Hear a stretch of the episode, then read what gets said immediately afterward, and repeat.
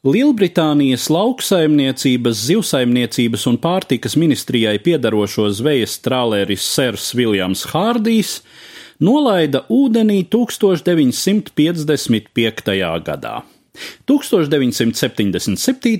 ministrija kuģi, kā savulaiku nokalpojušu, pārdeva, un to iegādājās vides aizsardzības organizācija Greenpeace, dodama kuģim arī jaunu vārdu - Rainbow Warrior - varavīksnes kareivis.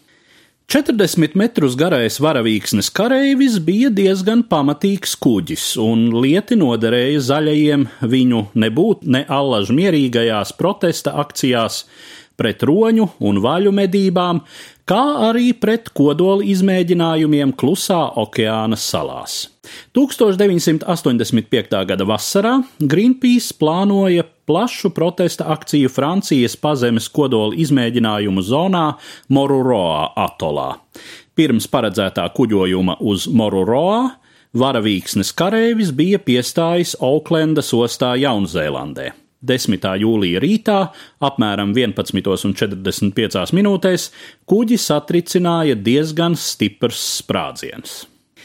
Spridzinātāji acīm redzami bija centušies izvairīties no cilvēku upuriem. Pirmā eksplozija radīja stipru sūci, taču nebija iznīcinoša. Tomēr scenārijā laikam bija paredzēts, ka vides draugi kā žurkas pametīs grimstošu kuģi. Tomēr notika citādi. Daži no viņiem metās uz tilpnēm, glābt tur esošo aparatūru un materiālus, un arī nofilmēt postījumus. Tāpēc, kad pēc apmēram desmit minūtēm atskanēja otrs sprādziens, zem klāja vēl bija cilvēki. Un viens no viņiem, fotogrāfs Fernando Pereira, tā arī vairs netika ārā un noslīka.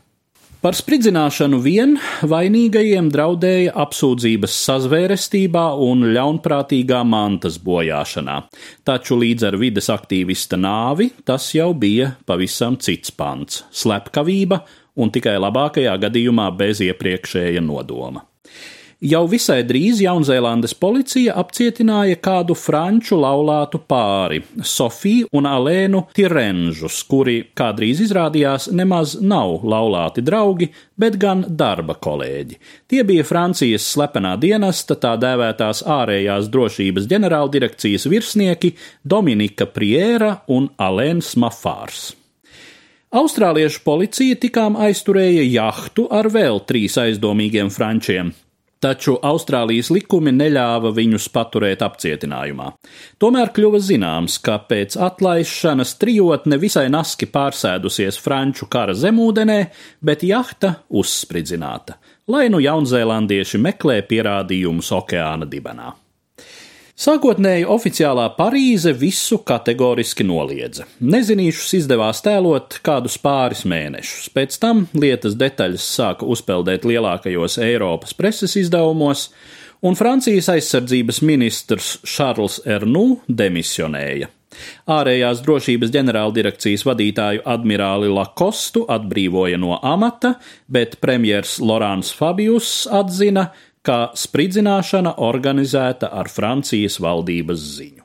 Vienu gan viņi visi turpināja apgalvot, ka prezidents no Socialistu partijas François Mitterāns neko nav zinājis.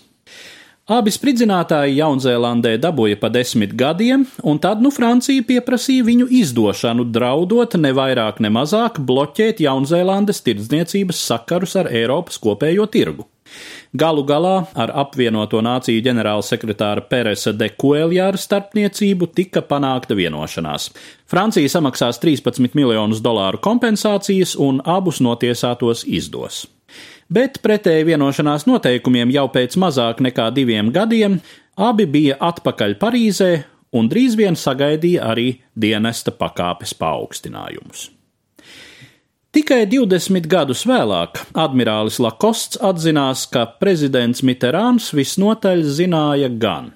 Slepenā dienesta šefs saņēmis aizsardzības ministra Ernu norādījumu neutralizēt varavīksnes kareivi, izprasījis audienci prezidentam.